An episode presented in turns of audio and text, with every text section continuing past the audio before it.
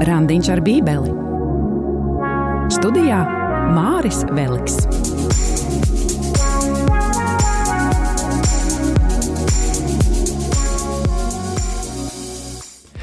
Lai ir slavēts Jēzus Kristus, skan Bībeles studiju raidījums, pēc kura pilnā cikla noklausīšanās par Mateja evaņģēliju Tev, dārgo klausītāji, pienāktos diploms. Diplomu gan sezonas beigās es tev nevarēšu piedāvāt, bet dziļu ieskatu Mateja evaņģēlijā gan, un es esmu pārliecināts, ka tas uz visiem laikiem mainīs to, kā šo grāmatu tu lasīsi turpmāk. Iepriekšējā raidījumā mēs runājām par tēmu ko mēs varam zināt par Mateja evaņģēliju.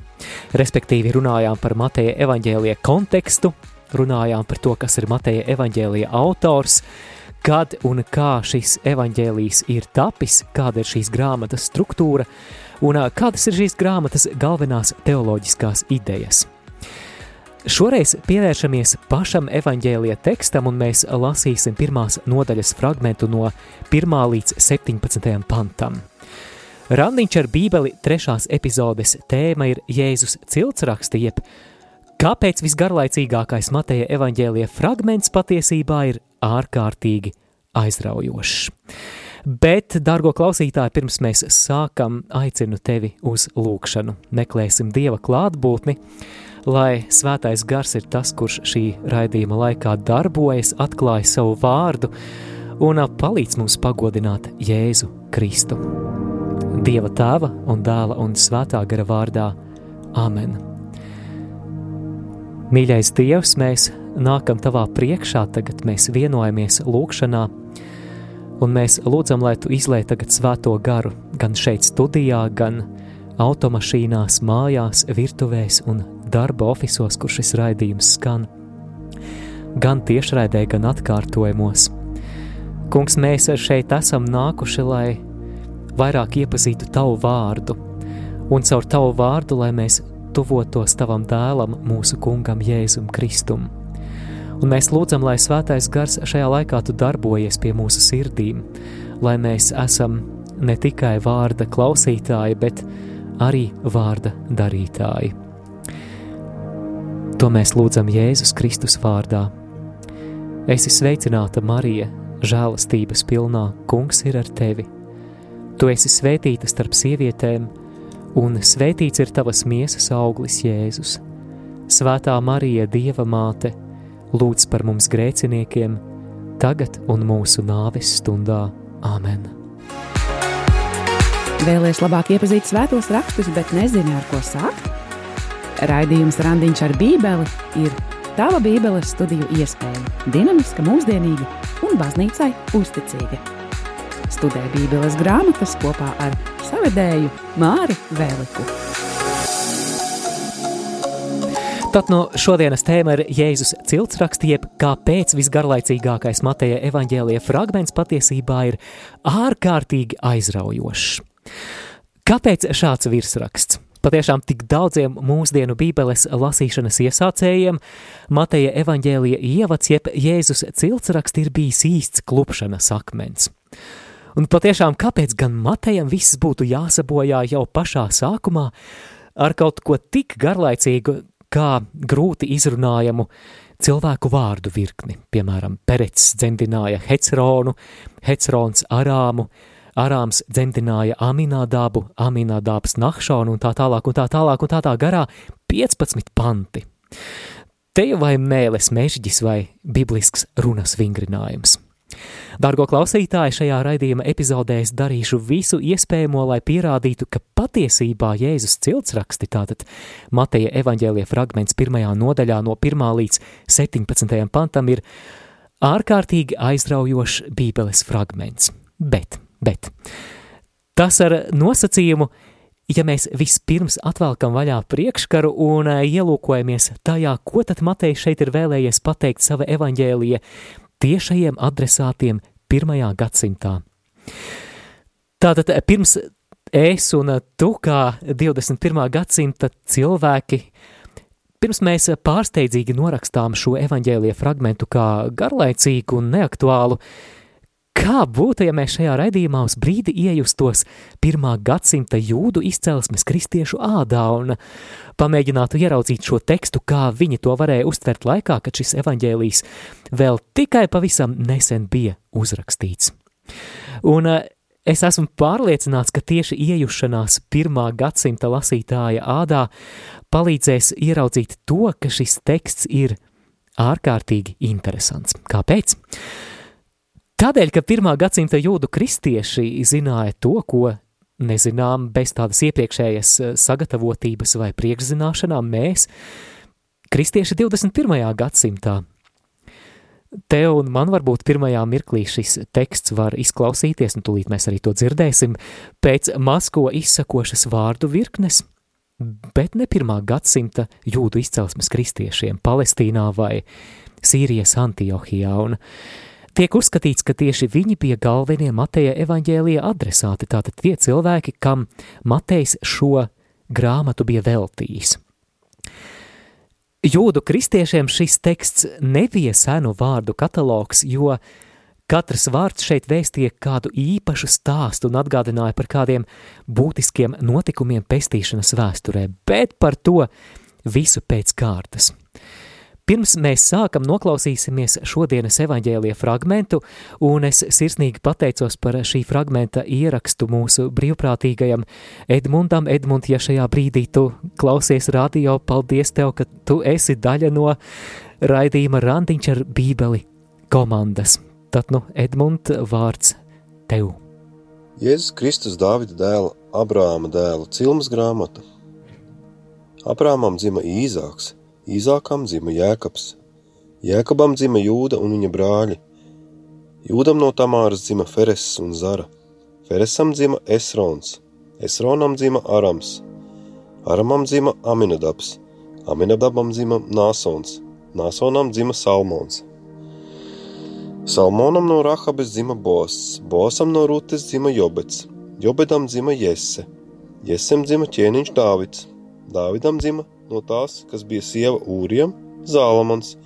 Zālamanam dzima Roboams, Roboamam dzima Abijs, Abijam dzima Asafs, Asafam dzima Jozafats, Jozafatam dzima Jorams, Joramam dzima Ozijs, Ozijam dzima Jotams, Jotamam dzima Ahas, Ahazam dzima Ezekijs, Ezekijam dzima Manas, Manasam dzima Amons, Amonam dzima Josijs, Josijam Bābeles trimdas laikā dzima Jehonijas un viņa brāļi. Jehonijam pēc Bābeles trimdas dzima Salatiels. Salatielam dzima Zorobābels, Zorobābelam dzima Abins, Abinam dzima Eliakims. Eliakimam dzima Azors, Azoram dzima Sadoks, Sadokam dzima Ahims, Ahimam dzima Elīns, Elindam dzima Eliazars, Eliazaram dzima Matans, Matanam dzima Jēkabs, bet Jēkabam dzima Jāzeps vīrs Marijai no kuras piedzimis Jēzus, kas tiek saukts Kristus. Tātad no Ābrāma līdz Dāvidam ir 14 paudzes, un no Dāvida līdz Bābeles trimdai 14 paudzes, un no Bābeles trimdas līdz Kristum 14 paudzes. Skan randiņš ar bībeli. Studējam Mateja evaņģēlē pirmo nodaļu no 1 līdz 17 pantam un ķeramies klāt. Paldies, Edmund, par lasījumu. Pirmais pants. Jēzus Kristus, Dāvida dēla, Abrahāma dēla ciltsraksti. Jau šeit klausītāji pirmajā pantā kaut kas fascinējošs. Interesanti, ka sengrieķu tekstā pirmie vārdi, kurus mēs lasām, ir Biblos geneseos. Jaunajā, jeb 2012. tulkojumā tas tulkots kā ciltsraksti. Jēzus Kristus ciltsraksti. Savukārt 1965. gada revidētajā tekstā vai tajā, ko mēs mēdzam saukt tautas valodā par veco tulkojumu, ir teikts cilts grāmata. Šie tulkojumi ir korekti, bet latviskojums tomēr nespēja atklāt visu nianšu daudzveidību, kas šeit ir apslēptas. Vispirms biblos. No šī vārda cēlies vārds bibliotēka un bībele, un iespējams, ka tu jau nojaut, ka no grieķu valodas šo vārdu biblos mēs varam latviskot kā grāmata. Geneseos var tikt tulkots arī kā iesākums vai sākums. Vai tev klausītāji kaut ko tas atgādina? Iesākuma grāmata Biblos Geneseos Iespējams, kādiem no jums prātā nāk paralēli ar Jāņa evaņģēlija prologu. Iesākumā bija vārds, un vārds bija pie Dieva, un vārds bija Dievs. Caur viņu ir radīts viss, un tā tālāk. Un vēl, gan Mateja evaņģēlija ievads ar šo Biblos Genesijos, jeb iesākuma grāmata, gan Jāņa evaņģēlija ievads mūs aizved uz pašiem, pašiem, pašiem pirmsākumiem, uz pasaules radīšanu. Cik interesanti, ka šis vārdu salikums Biblos Genesijos, jeb iesākuma grāmata, divas reizes parādās arī sengrieķu vecās derības tulkojumā Septogintā, kas Jēzus laikā bija vispopulārākā svēto rakstu versija. Respektīvi radīšanas grāmatas 2.4 un 5.1, kur tā attiecas uz debesu un zemes iesākumiem un arī uz Ādama pēcteču ciltsrakstiem. Latviskajos bībeles izdevumos radīšanas grāmata ir dēvēta par pirmo mūzes grāmatu, un ja tu paņemtu tagad savu bībeli un meklētu, kā tad tur pirmā grāmata vecajā derībā ir nosaukta, tad tur noteikti būtu pirmā mūzes grāmata. Savukārt, ebreji šo grāmatu sauc par berešit, jeb iesākums, kas izriet no šīs grāmatas paša ievada, atcerēsimies, iesākumā Dievs, ko izdarīja, radīja debesis un zemi. Kāpēc Matejs savā evaņģēlija ievadā liek mums atgriezties pie domām par visa pirmsākumiem un radīšanu? Jēzus stāsts sākoties ar šiem vārdiem Biblos geneseos, jeb iesākuma grāmata, varētu teikt, ka pasludina jaunu iesākumu cilvēcei caur Jēzu Kristu. Kaut kādā ziņā šī ir jauna radīšana. Drīz būšu atpakaļ ēterā, skadraidījums Randiņš ar bībeli, pie mikrofona es, Māris Veliks.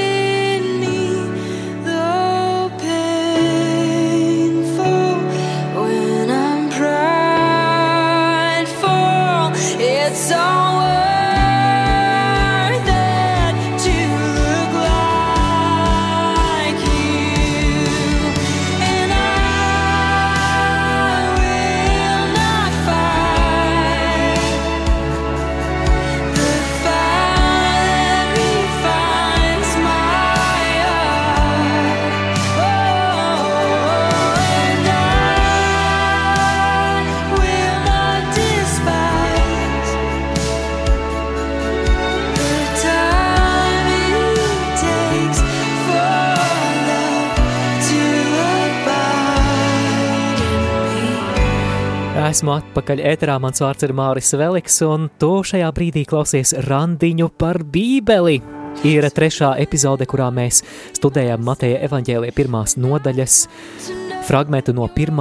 līdz 17. pantam. Mēs studējam par Jēzus ciltsrakstiem, un ja tu, dārgo radio klausītāji, klausoties manā stāstījumā, vēlies kaut ko pakomentēt, piebilst vai varbūt jautāt, tad eh, droši iesaisties ēterā, tūlīt arī atgādināsim studijas kontaktinformāciju. Attiecībā uz jautājumiem vai komentāriem būtu vēlams eh, pieturēties pie šī, šīs epizodes tēmas, tātad par Jēzus ciltsrakstiem, ja ir kādas neskaidrības, jo mēs vēl visu sezonu studēsim Mateja evaņģēliju nodaļu pēc nodaļas, un tad par eh, visu pārējo, visu, kas mums vēl priekšā, tad arī nākamajos raidījumos būs iespēja uzzināt.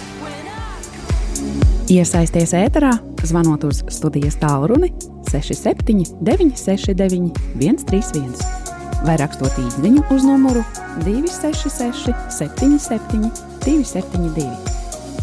Izmanto arī e-pasta iespēju Studija at rml.lv.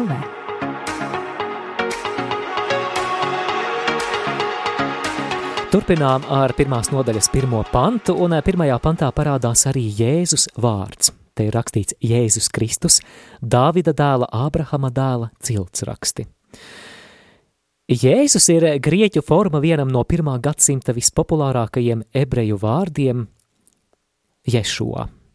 No ebreju valodas šis vārds nozīmē Jahve ir glābšana, jeb glābiņš, kas raksturo arī Jēzus misiju pestīšanas vēsturē. Par to mēs, protams, vēl daudz, daudz runāsim turpmāk, bet jautājums, ko nozīmē Kristus, jo jau pirmajā pantā dzirdēja, ka Jēzus ir dēvēts par Kristu. Ko tad nozīmē Kristus? Es nezinu, kā tev klausītāji, bet man bērnībā šķita, ka Kristus ir Jēzus uzvārds. Nu, tā kā Jānis Bērziņš un Jēzus Kristus. Nevar gan, protams, noliegt, ka, noliegt, ka vārds Kristus vēlāk arī kļūst par vienu no Jēzus apzīmējumiem un eh, tiek lietots tevi vai vārda vai uzvārda nozīmē, eh, tomēr pirmām kārtām Kristus ir statusa un misijas apzīmējums. Statusa un misijas apzīmējums. Kristus no sengrieķu valodas nozīmē svaidītājs, un um, tas savukārt ir tulkojams arī no ebreju vārda mašiach, jeb mesija. Tad, nu, ja tu nes, ja mēs būtu pirmā gadu simteņa jūdu izcelsmes kristieši, tad mēs tajā laikā valdošajā gaidu atmosfērā izlasot, ka te ir runa par Kristu, būtu pilnīgā sajūsmā. Jo tajā laikā sabiedrībā strāvoja cerības, ka nāks – vecajā derībā apsolītais, praviešu pravietotais mesija, ķēniņš, kurš atbrīvos dieva tautu no tās ienaidniekiem un atjaunos arī ķēniņa Dāvida valstību. Un tad, cik satriecoši šeit, mūsu priekšā Mateja evaņģēlija ievadā ir mesijas ciltsraksti. Ko tas nozīmē? Tātad mesija ir dzimis. Šis eh, tulkojums Jēzus Kristus, kā mēs to uztveram, nespēja iespējams mūsos izraisīt to sajūsmu, ar kādu šo tekstu varēja uztvert šī evaņģēlie tiešie adresāti jūdu izcelsmes kristieši pirmajā gadsimtā. Tātad Jēzus ir mesija, ilgi gaidītais dieva tautas atbrīvotājs, kurā viņu vēsture ir sasniegusi virsotni. Un jautājums, ko tad nozīmē šis status svaidītājs? Parunāsim par to mazliet. Vārda izcelsme ir saistīta ar rituālu kaut kā veltīšanu dievam, ieziežot ar svētītu eļļu. Tātad konsekrācija svaidot ar eļļu. Ja mēs atšķiram vecās derības lapuses, tad mēs uzzinām, ka šādi tika svaidīti vai ar eļļu ieziesti ķēniņi. Nu, atcerēsimies, piemēram, kā pravietis Samuēls 1. Samuēla grāmatā 16. nodaļā apmeklē Dāvida tēva Jišaja jeb Jeses namu, meklējot to, kuru Dievs ir izvēlējies par Izrēļa tautas ķēniņu. Samuēls izbrāķēja visus vecākos Dāvida brāļus un jautā, vai ir vēl kāds. Nu jā, tur saka viņam, ka ir tāds pastarītis, bet viņš gana avis. Neviens it kā šo mazo zēnu Dāvidu neņem par pilnu, bet eh, Samuēls teica Jišajam, un tālāk es citēju no 1. Samuēla grāmatas 16. nodaļas, sūti pēc viņa, mēs neko nesāksim, iekams viņš nebūs atnācis. Tad viņš lika to atvest, un tas bija sārtvaidzis skaistām acīm un glītu augumu. Un kungs teica, celies, svaidi viņu, jo tas ir viņš. Samuēls ņēma eļļas ragu un svaidīja viņu brāļu priekšā, un kunga gars spēja nāca pār Dāvidu kopš tās dienas un turpmāk. 1. Samuēla 16 no 11. līdz 13. pantam. Tātad Dāvids tiek svaidīts par ķēniņu, ieziests ar eļļām, un interesanti, ka kunga gars nonāk pār viņu. Tātad līdz ar svaidījumu Dievs arī dot īpašu spēku un autoritāti kādai misijai, un tas mums jau atgādina par Jēzus kristību brīdī Jordānā, kad svētais gars nonāk pār viņu, mēs par to vēl lasīsim kādā no turpmākajiem raidījumiem. Tātad pirmkārt vecajā derībā svaidīti tika ķēniņi. Otrakārt vecajā derībā svaidīti tika arī priesteri – piemēram, Levītu grāmata, jeb 3. mūzes grāmata, 8. nodaļa. 12. pantā mēs lasām, kā tiek iesvētīti vecās derības, jeb levītiskie priesteri. Te mēs lasām viņš, jeb mūzus, lēja Āronam uz galvas, tu jau nojaut, ko viņš lēja, svaidāmo eļļu un svaidīja viņu, lai iesvētītu. Tātad svaidīti bija arī priesteri. Vēl vecajā derībā svaidīti varēja būt arī pravieši. Mēs vēl runāsim par to, kā Matejs atklāja Jēzu kā pravieti, kas ir lielāks par mūzu. Tā būs atsauce uz at, atkārtotā likuma grāmatu 18. nodaļu. Vēstules ebrejiem autors, un ja Dievs dos kādā no turpmākajiem šī raidījuma cikliem, mēs arī pastudēsim vēstuli ebrejiem, šīs vēstules autors īpaši izvērš tēmu savukārt par Jēzu kā augsto priesteri – Arī priesteris ir svaidītais. Savukārt šodien mēs, iesākot studēt Mateja evaņģēliju, īpaši, īpaši pievērsīsim uzmanību tēmai par Jēzu Kristu kā svaidītu ķēniņu. Par to jau pavisam drīz. Tad, nu, par Jēzu kā Dieva svaidīto ķēniņu, es domāju, mēs paklausīsimies to pēc džingla, Skan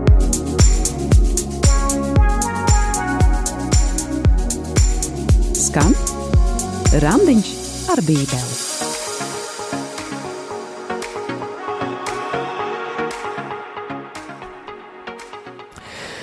Par Jēzu kā dieva svaidīto ķēniņu.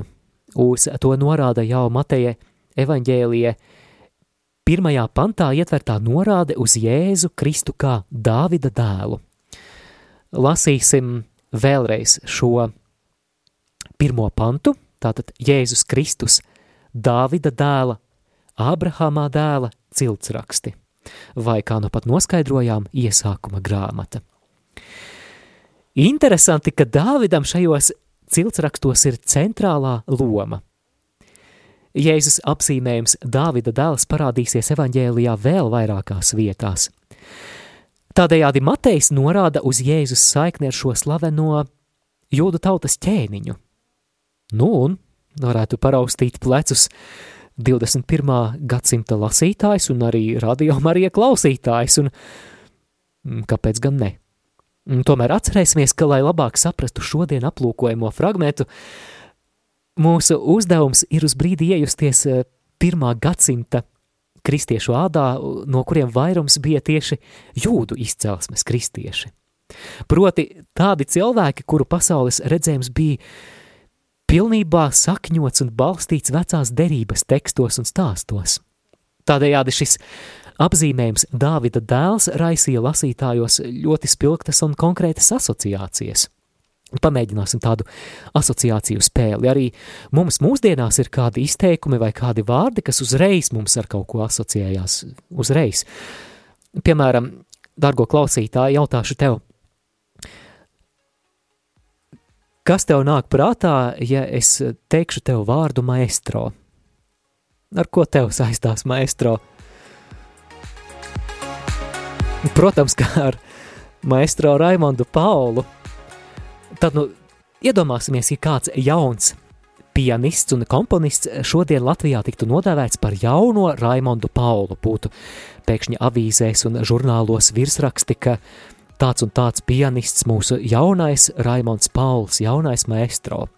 Mums uzreiz būtu skaidrs, ka runa šeit ir par kādu uzlecošu zvaigzni, par izcilu, izcilu muzikālu talantu, kurš kļūs par leģendu.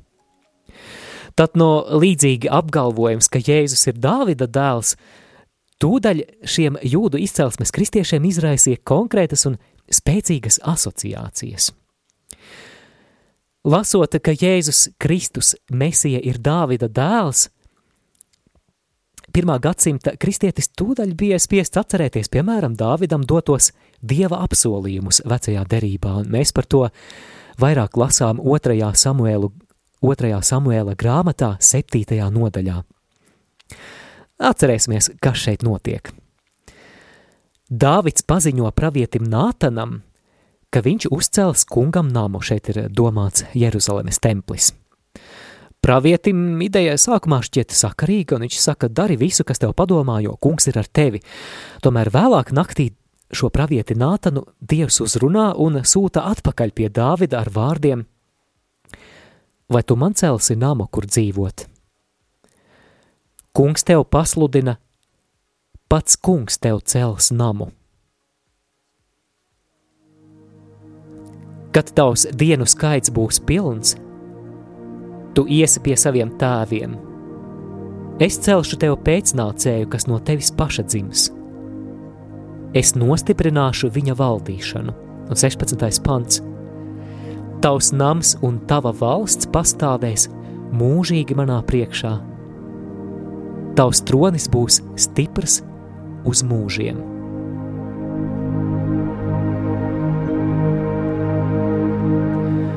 Varam tikai iztēloties, kādu saviņojuma vārdi par Jēzu Kristu kā Dāvida dēlu izraisīja pirmā gadsimta jūdu kristiešos. Tātad šī Dāvida dinastija, kura 6. gadsimtā pirms Kristus piedzīvoja pilnīgu sabrukumu, kad Jeruzaleme tika aizvesta trimdā uz Babilonu, tomēr ir dzīva, ka tā tomēr turpinās. Tātad, tātad pēc vairākiem neziņas un nebūtības gadu simteņiem ir atkal parādījies ķēniņš no Dāvida karaliskās dinastijas – Jēzus Kristus Mesija.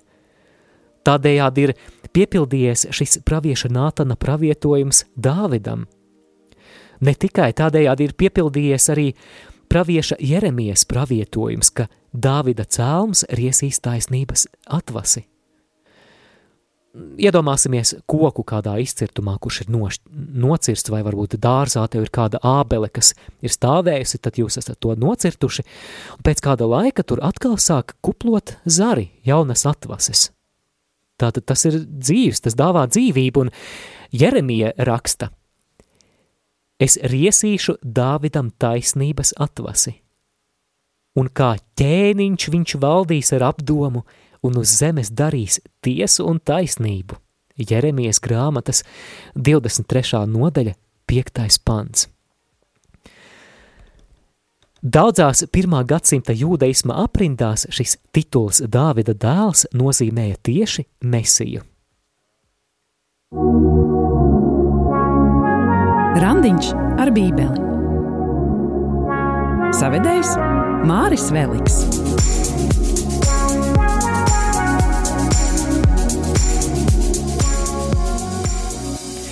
Pirmajā pantā mēs lasījām arī dzen, ka Jēzus tiek nosaukts par Ābrahāma dēlu. Atcerēsimies par Ābrahāmu. Ābrahāms ir jūdu tautas ciltstāvs. Tātad apzīmējums Ābrahama dēls Jēzu it kā novieto plašākā Izrēļa tautas vēstures kontekstā. Un mēs redzēsim, kā Matejs atklāja, kā Jēzu piepildās visa Izrēļa tautas vēsture, piedzīvojot tādu īpašu kulmināciju. Bet te caur šo apzīmējumu, ka Jēzus ir Ābrahama dēls, ir vēl kaut kas interesants. Abrahams bija ne tikai Izrēļa tautas ciltstāvs, bet arī ciltstāvs daudzām tautām, kā mēs par to lasām radīšanas grāmatas 17. nodaļā no 4. līdz 5. pantam. Un arī tas, caur kuru visas tautas tiks svētītas. Tas nozīmē, ka Jēzus ietekme pārsniedz tikai Izrēļa tautas robežas – Tātad Jēzus kā ķēniņš mesija ir nācis pie visas cilvēces, pie visām tautām, un viņa misija ir vispasaules misija. Ābrahamam Dievs bija apsolījis, ka caur viņu tiks svētītas visas tautas, un uz šo motīvu, šo, ja tā var teikt, Jēzus universālo un arī vēlāk viņa baznīcas universālo misijas raksturu norāda arī vēlāk Mateja evaņģēlijas stāsts par austrumu gudrajiem, tātad kādiem citu tautu gudrajiem vai magiem, kas apmeklē jaundzimušo ķēniņu, un kā arī Jēzus pavēle darīt par mācekļiem visas tautas, par ko mēs lasīsim pašā Mateja evaņģēlija noslēgumā 28. nodaļā. Pasaulī Dievs tiesās taisnīgi, pasaulī Dievs tiesās taisnīgi. Es slavēšu tevi, kungs, no visas savas sirds, un stāstīšu par visiem taviem brīnum darbiem. Es priecāšos un gavilēšu tevi,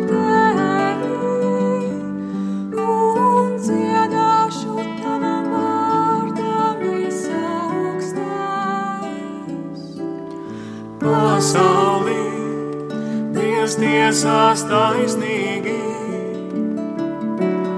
Pasaulī Dievs tiesās taisnīgi.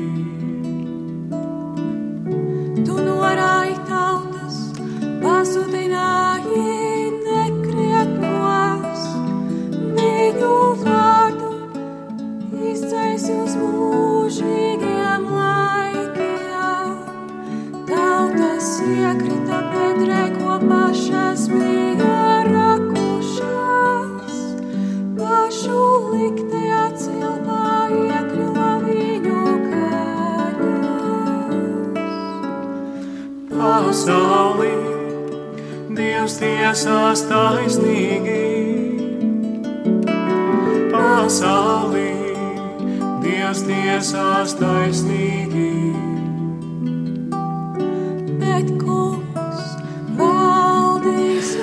Māris Veliks atpakaļ ēterā raidījuma Randiņš ar bībeli trešajā epizodē, kurā mēs studējam Jēzus ciltsrakstus Mateja evaņģēlija pirmajā nodaļā no 1. līdz 17. pantam, un ja tev, dārgo klausītāji, ir kādas pārdomas, kāds komentārs vai jautājums par to, ko dzirdi, tad droši iesaisties ēterā. Iesaisties ēterā, zvanot uz studijas tālruni 67 969 131 vai rakstot īsiņu uz numuru 266 77 272. Izmanto arī e-pasta iespēju Studija at rml.lv. Parunāsim par pašiem ciltsrakstiem. Pirms pauzes mēs runājām par Jēzu kā mesiju, par Jēzu kā Dāvida dēlu un Jēzu kā Ābrahāma dēlu. Par to mēs lasām pirmajā nodaļā, pirmajā pantā. Bet parunāsim par pašiem ciltsrakstiem. Piedāvājot Jēzus ģenealoģiju, patiesībā Matejs lasītājiem piedāvā kaut ko līdzīgu dieva tautas vēstures kopsavilkumam, sākot ar Ābrahāmu. Un, ja mēs šo tekstu lasītu kā pirmā gadsimta kristieši, kuru atmiņā ir vecās derības teksti un stāsti, gandrīz katrs vārds, ko mēs izlasītu šajos ciltsrakstos, mums saistītos ar kādiem īpašiem notikumiem, ar kādu īpašu epizodi vecajā derībā. Tas tādēļ, ka par lielāko daļu no šajos ciltsrakstos ietvertajām personām mēs kaut ko varam uzzināt no vecās derības tekstiem. Es vēlos tev, klausītāji, pastāstīt tādu personisku liecību vai gadījumu, kā es apjautu, ka šis teksts, kuram agrāk gribējās pārskriet pāri pa diagonāli, patiesībā ir ļoti interesants. Atceros, kādu rītu es lasīju mieram tuvu grāmatiņu, un tur bija tieši šis evaņģēlija fragments, Jēzus ciltsraksti, un es nolēmu tieši šo tekstu paņemt par pamatu manai rīta meditācijai, jeb pārdomām ar Dieva vārdu. Un tā kā līdz tam veco derību es jau biju izlasījis vairāk kārtas, pēkšņi konstatēju, ka lielākā daļa no šiem vārdiem man ir pazīstami. Tad nu arī man gluži kā pirmā gadsimta jūdu kristiešiem šie vārdi, šie sarežģītie vecie vārdi sāka saistīties ar kādām interesantām epizodēm vecās derības lapusēs. Viss sāka šeit ar Ābrahamu, un, piemēram, aiz šī vārda stāv unikāls dzīves stāsts. Tas mums var atsaukt atmiņā Ābrahama aicināšanu iziet no savas dzimtās zemes, vai varbūt, varbūt uh, arī to brīdi, kad Ābrahams tika pārbaudīts Morijas kalnā, kad uh, Dievs viņu aicināja upurēt savu dēlu Īzaku. Tālāk mums šajos ciltsrakstos ir Īzaks, Jēkabs, Jūda, un katram no šiem varoņiem vecās derības lapusēs ir kāda īpaša vieta. Nemaz jau nerunājot par ķēniņu Dāvidu, par Salomonu un citiem, kuru vārdus mēs arī atrodam šajā ciltsrakstu turpinājumā. Atceros, ka savu rīta meditāciju es veidoju apmēram tā, ka es centos atcerēties, ar ko konkrētā persona ir bijusi nozīmīga vecajā derībā, un centos izdomāt, kas ir tā labā īpašība, no kuras es varētu mācīties, vai arī pretēji, vai kāda sliktā īpašība šim konkrētajam personāžam, no kuras būtu jāizvairās manā dzīvē.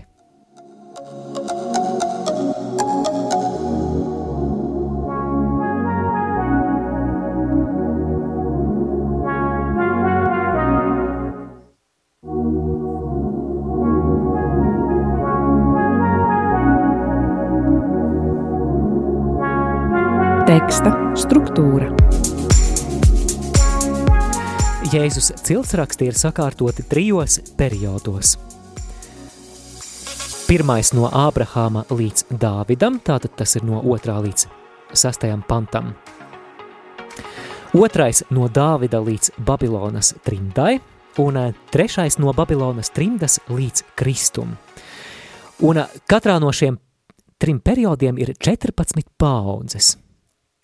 To mēs lasām arī pirmās nodaļas 17. pantā, un vēlreiz vārds Edmundam, lai nolasa šo pantu.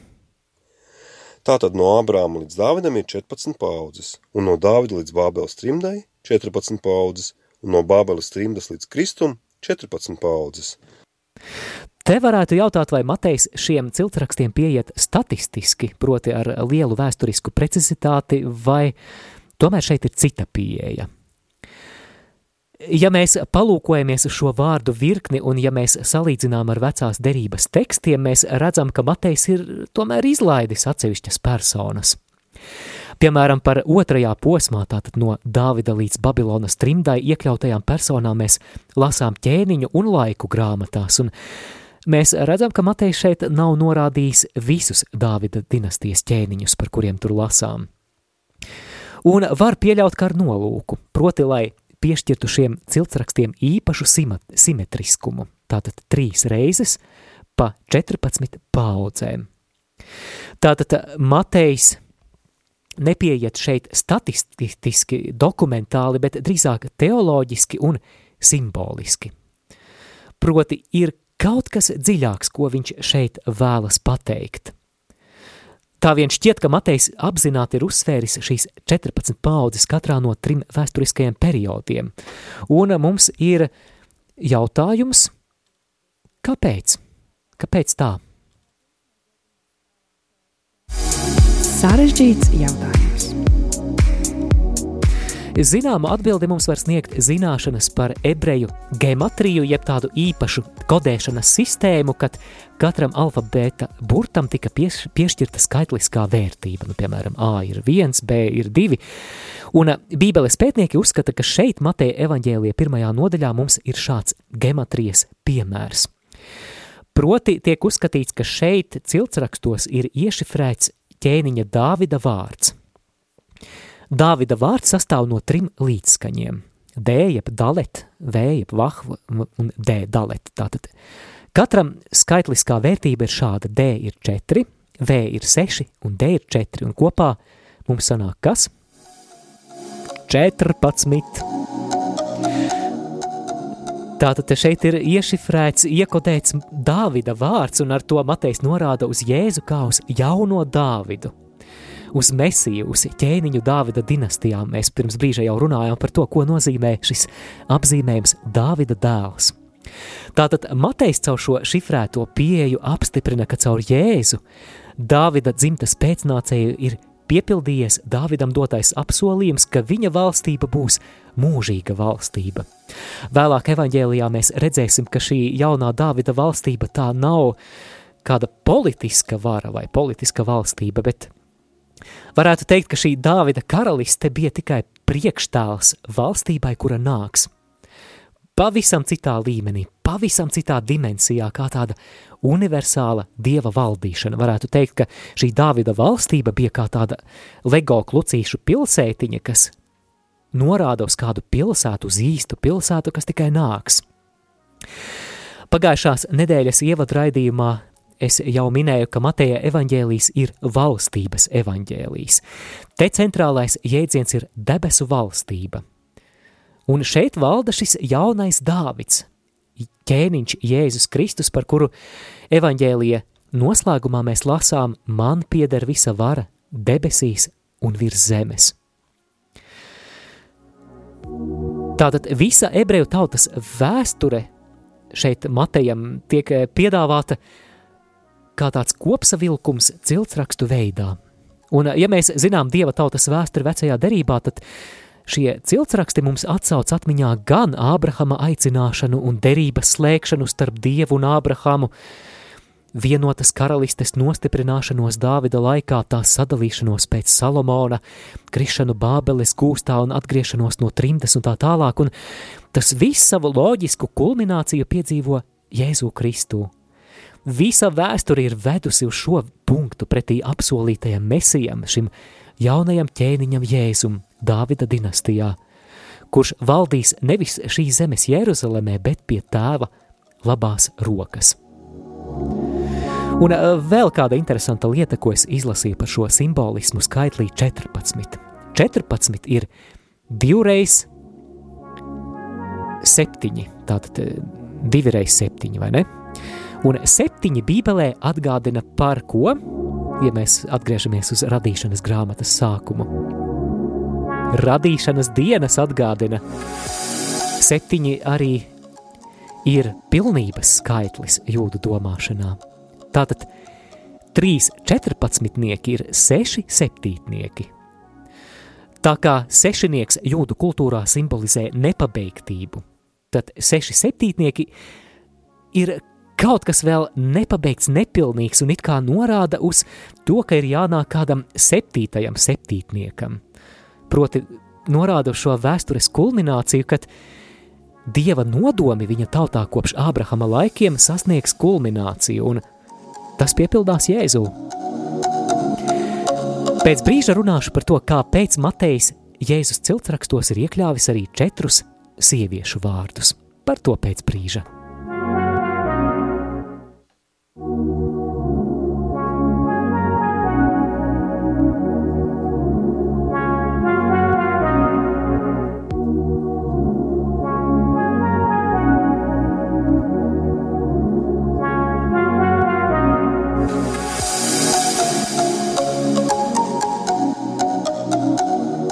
Māris Veliks pie mikrofona raidījumā Randiņš ar bībeli. Šoreiz mēs studējam pirmo nodaļu no 1 līdz 17 pantam, runājam par Jēzus ciltsrakstiem, ja tev kāds komentārs vai jautājums droši jautā, bet šajā brīdī es vēlos parunāt par sievietēm šajos ciltsrakstos. Ja uzmanīgi ieklausījāmies tajā, ko lasīja Edmunds, vai arī varbūt paši sekojām līdzi savās bībelēs, iespējams ievērojām, ka ir norādītas dažas sievietes, Tam laikam tas ir visai netipiski, bet Matejs šajā evaņģēlijā ir minējis četras sievietes. Tā ir Tamāra, Rahāba, Rute un Ūrija sieva jeb Patšeba. Kāpēc tā? Kāpēc Matejs atkāpjas no tajā laikā ierastās prakses, ka ciltsrakstos parasti tika norādīti tikai vīrieši? Un te ir tādi trīs populārākie skaidrojumi. Īsumā par katru no tiem. Pirmais skaidrojums ir tāds, ka visas šīs sievietes ir grēcinieces. Caur to it kā Matejs parāda, ka Jēzus ir ienācis šajā disfunkcionālajā cilvēcē, lai to glābtu no grēkiem. Tomēr šāds uzskats saskaras ar kādu problēmu. Ja Tamāra un Rahāba bija prostitūtas, Ūrija sieva savukārt pārkāpa laulību ar ķēniņu Dāvidu, tad Ruti vecās derības teksti mums tomēr neparāda kā grēcinieci, un ir otra problēma. Lai parādītu tautas grēcīgumu, Matejai, Matejam nemaz nevajadzētu sarakstā iekļaut sievietes, jo šajos ciltsrakstos ir vīrieši, kuri savos darbos bija daudz, daudz ļaunāki par minētajām sievietēm. Piemēram, ķēniņš Manase, kurš bija visokultākais ķēniņš Jeruzalemē. Otrs skaidrojums, kāpēc ciltsrakstos minētas sievietes. Tas varētu norādīt uz neregulārajām savienībām, proti Rahaba un Tamāra ieņem bērniņu, būdamas prostitūtas, Batšeba, Ūrija sieva, ieņem bērniņu laulības pārkāpšanā, bet Rute ir cittautiete, proti viņa nav, nav jūdu tautas locekle. Un ir uzskats, ka caur šīm neregulārajām savienībām autors it kā lasītāju sagatavo Marijas neregulārajai situācijai, ka viņa ir stāvoklī no svētā gara, pirms viņa ir sagājusi kopā ar Jāzepu. Trešais skaidrojums - minētās sievietes ir citautietes. Proti viņas nepieder Izrēļa tautai. Mēs zinām, ka Tamāra, Rahaba un Ruta bija ārzemnieces, kas ieprecējās. Par Batšebu mēs zinām, ka viņas vīrs bija hitietis vai hetietis, tātad iespējams arī viņa. Tas varētu pasvītrot, ka dieva nodomos arī citām tautām ir īpašs plāns. Un tas liek pamatus Jēzus valstības universālajai misijai, kura aptvers ne tikai jūdus, bet arī pagānus. Ejiet un dariet par mācekļiem visas tautas.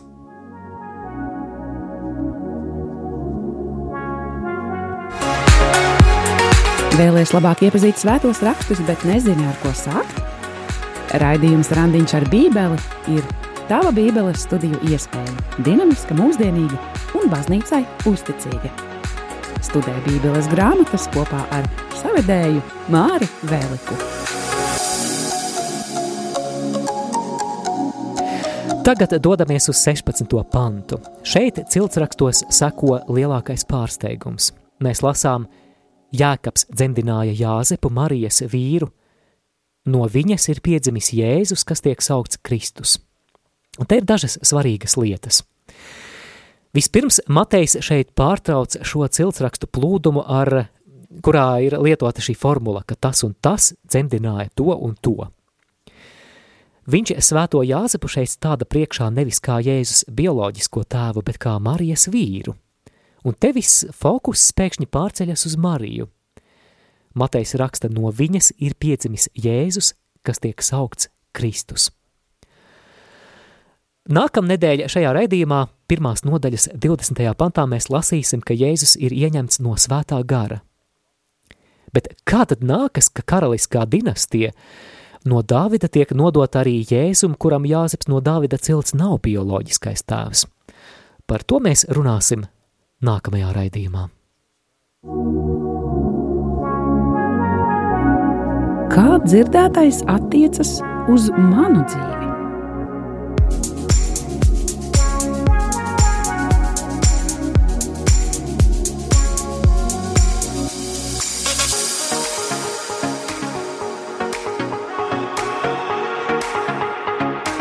Lasot Dieva vārdu, ir svarīgi arī ieklausīties tajā, ko šis vārds var nozīmēt mums, 21.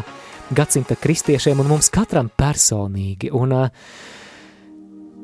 jau pirmajā nodaļā, pirmajā pantā ir minēts Jēzus vārds, un šajās pārdomās par vārda pielietojumu raidījuma noslēgumā es vēlos arī vairāk pakavēties pie tā. Arī dzen, nu pat aplūkotajā 16. pantā mēs lasām šo Jēzus vārdu, Jēzus Kristus. Un Tās pārdomas, kas man rodas domājot par šodienas teksta pielietojumu, nāk prātā tieši šis svētais apbrīnojamais Jēzus vārds. Ļoti īpašs vārds, kuru mēs varam piesaukt tik vienā dzīves situācijā. Te mēs varam atcerēties, atcerēties, ka senajā jūdaismā dieva vārdu drīkstēja izrunāt tikai augstais priesteris vienu reizi gadā. Tātad dieva vārds ir kaut kas tik ārkārtējs, tik īpašs, bijību raisošs. Savukārt, tagad, kad Jēzu Kristu Dievs ir kļuvis cilvēks, kad viņš ir pieņēmis mūsu cilvēcisko dabu, mēs drīkstam izrunāt Dieva vārdu - Jēzus, Jahve, Dievs ar mums. Un šajā vārdā, dārgo klausītāji, ir ārkārtējs spēks. Piesaukt šo vārdu. Mēs svētajos rakstos lasām, ka, piemēram, nav cita vārda, kurā mums būtu pestīšana, kā tikai Jēzus vārds. Mēs lasām, ka šī vārda priekšā laiku beigās locīsies visi ceļi debesīs virs zemes un pazemē, un kas piesaugs Jēzus vārdu, tiks glābts. Tas ir vārds, kura priekšā bēg ļaunie gari.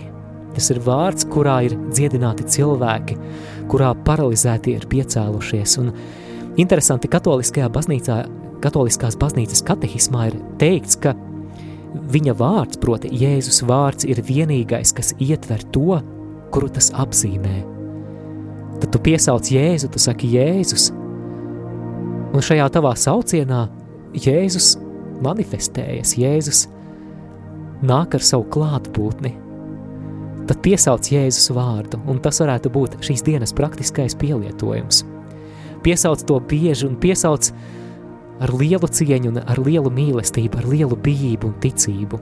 Piesauc to priekos, bēdās un kārdinājumos, un, un vēl kas man nāk prātā, tā kā mēs šodien pārdomājām par eh, Jēzus ciltsrakstiem, mēs varam padomāt par saviem ciltsrakstiem, par savām ģimenēm, par savām dzimtām, un ja mēs ielūkojamies mūsu ciltsrakstos, mēs esam spiesti atzīt, ka mēs nenākam no perfekta ciltskoka, Nevienam no mums nav tādas dzimtas, kurā viss būtu bijis perfekti. Mēs atpazīsim mūsu radu rakstos šķiršanos, neusticību, neticību, okultismu, dažādas citas lietas un, un traģēdijas un novēršanos no Dieva, un, un tu, dārgo klausītāji, ja tu tici Jēzum Kristum, ja viņš ir tavs kungs, ja viņš ir tavs glābējs, vari šodien vai savā lūkšanas brīdī, kas tev kādā, kādā brīdī šodien vai varbūt rīt būs, pacel šo Jēzus vārdu kā karogu pār savu ģimeni, pār savu, pār savu dzimtu un aizlūdz. Tādējādi tu vari aizlūgt par tiem, kas tev mīļi un dārgi. Saki Jēzus, pacel šo vārdu pār savu dzimtu, ļauj šim vārdam izskanēt, saki, ka Jēzus ir kungs. Jēzus kungs, Jēzus ir kungs pār visu manu dzimtu. Šo raidījumu vēlos noslēgt ar vienu no šī, šī gada, manuprāt, lielākajiem slavēšanas mūzikas grāvējiem dziesma The Blessing, Elevation Worship, Carrie Job un Cody Carnes, dziesma par svētību, kurā ir vārdi, lai Dievs apgaismo savu vaigu pār tevi un ir tev žēlīgs, un lai viņš tevi svētī, tavus bērnus, un viņu bērnus, un viņu bērnus. Studijā biju es, Māris Veliks. Paldies, ka klausījies raidījumu Randiņš ar Bībeli. Esi svētīts, un lai svētīta ir visa tava dzimta, piesaucam Jēzus vārdu ar bijību, cieņu un pielūgsmi. Lord bless you and keep. Make his face shine upon you and be gracious to you. The Lord turn his face toward you and give you peace.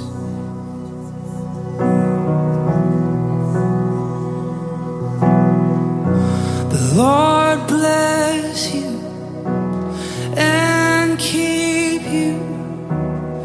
Make his face shine upon you and be gracious to you. The Lord turn his face toward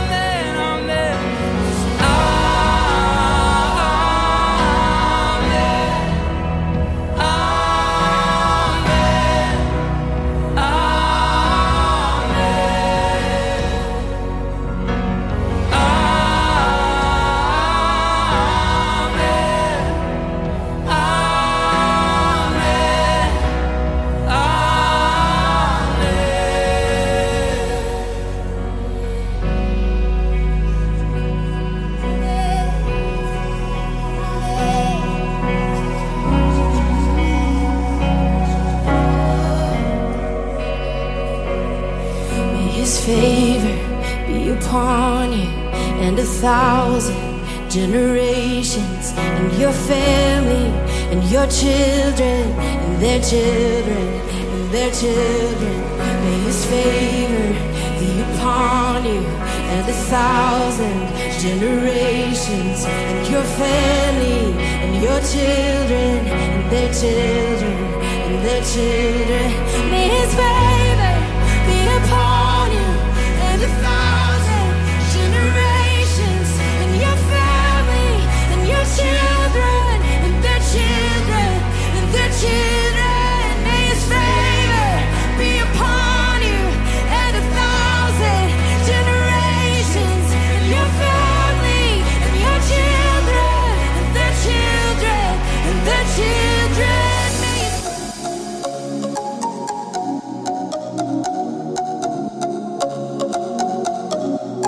Jūs klausījāties raidījumu Randiņš ar Bībeli. Savas atsauksmes, ieteikumus un jautājumus sūtiet uz e-pastu Randiņš ar Bībeli at gmail.com. Iepriekšējās raidījuma epizodes aicinām meklēt arhīvā.